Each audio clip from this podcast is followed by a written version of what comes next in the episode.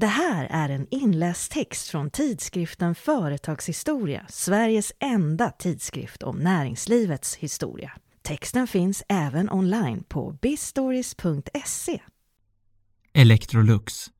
Från dörrknackning till världsföretag. Tvättmaskin, dammsugare och spis. Det är tre produkter som finns i nästan alla hem. Chansen är stor att det också står Electrolux på dem. Företaget som började med dörrknackning och hemförsäljning av dammsugare har idag utvecklats till en av världens största tillverkare av vitvaror. Electrolux hade knappast haft den position det har idag om det inte varit för företagets grundare, Axel Wenner-Gren. Redan i unga år visste han att han ville bli en stor affärsman. Han drillades först i Göteborg men flyttade snart till Tyskland för att utbilda sig. Där fick han också sitt första jobb och snart var han på det svenska företaget Separator. Han blev snart företagets bästa säljare. Men Wennergren ville styra sitt eget öde. Efter att ha provat på lite olika samarbeten och produkter fick han en dag syn på det som skulle forma hans och även Sveriges framtid. I ett skyltfönster i Wien stod en dammsugare utställd. Det var dock inte en dammsugare så som vi föreställer oss den. Den var betydligt tyngre och klumpigare. Och framförallt dyr. Men att detta skulle bli en framtidsprodukt var Wennergren övertygad om. Han återvände till Sverige och tillsammans med ingenjören Sven Karlstedt utvecklade Wennergren den ena modellen efter den andra. Och dammsugarna blev bättre och bättre.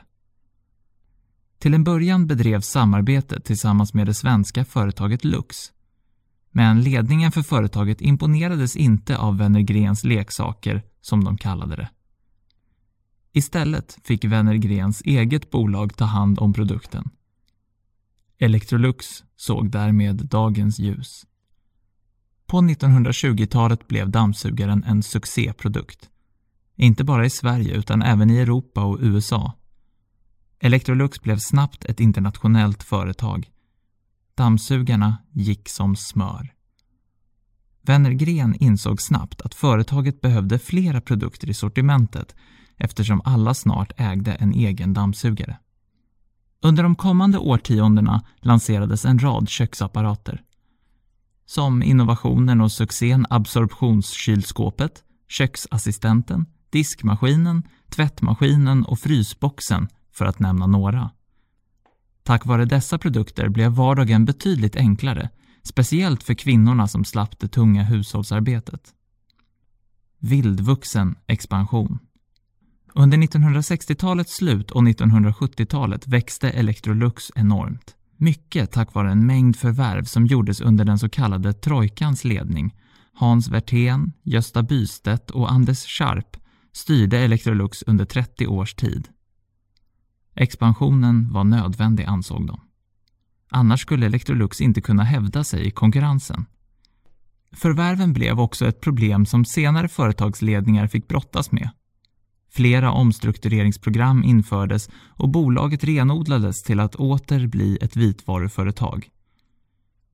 Vitvarubranschen hade dock sina egna problem. Konkurrensen från lågprisländer satte press på Electrolux som tvingades stänga många av sina fabriker och placera produktionen i låglöneländer, både i Asien och i Europa. Miljön blev en annan fråga som tidigt uppmärksammades av Electrolux. Kanske tack vare Greenpeace. År 1992 dumpade miljöorganisationen en last med skrotade kylskåp med freongas framför huvudkontorets entré. Electrolux hade visserligen redan freonfria produkter på gång, men detta blev en extra pådrivare. Idag är digitaliseringen och den nya tekniken, som artificiell intelligens, områden som innebär utmaningar och möjligheter för Electrolux. Genom nya innovationer, som uppkopplade apparater och Internet of Things, ska Electrolux fortsätta underlätta hushållsarbetet och konkurrera på världsmarknaden.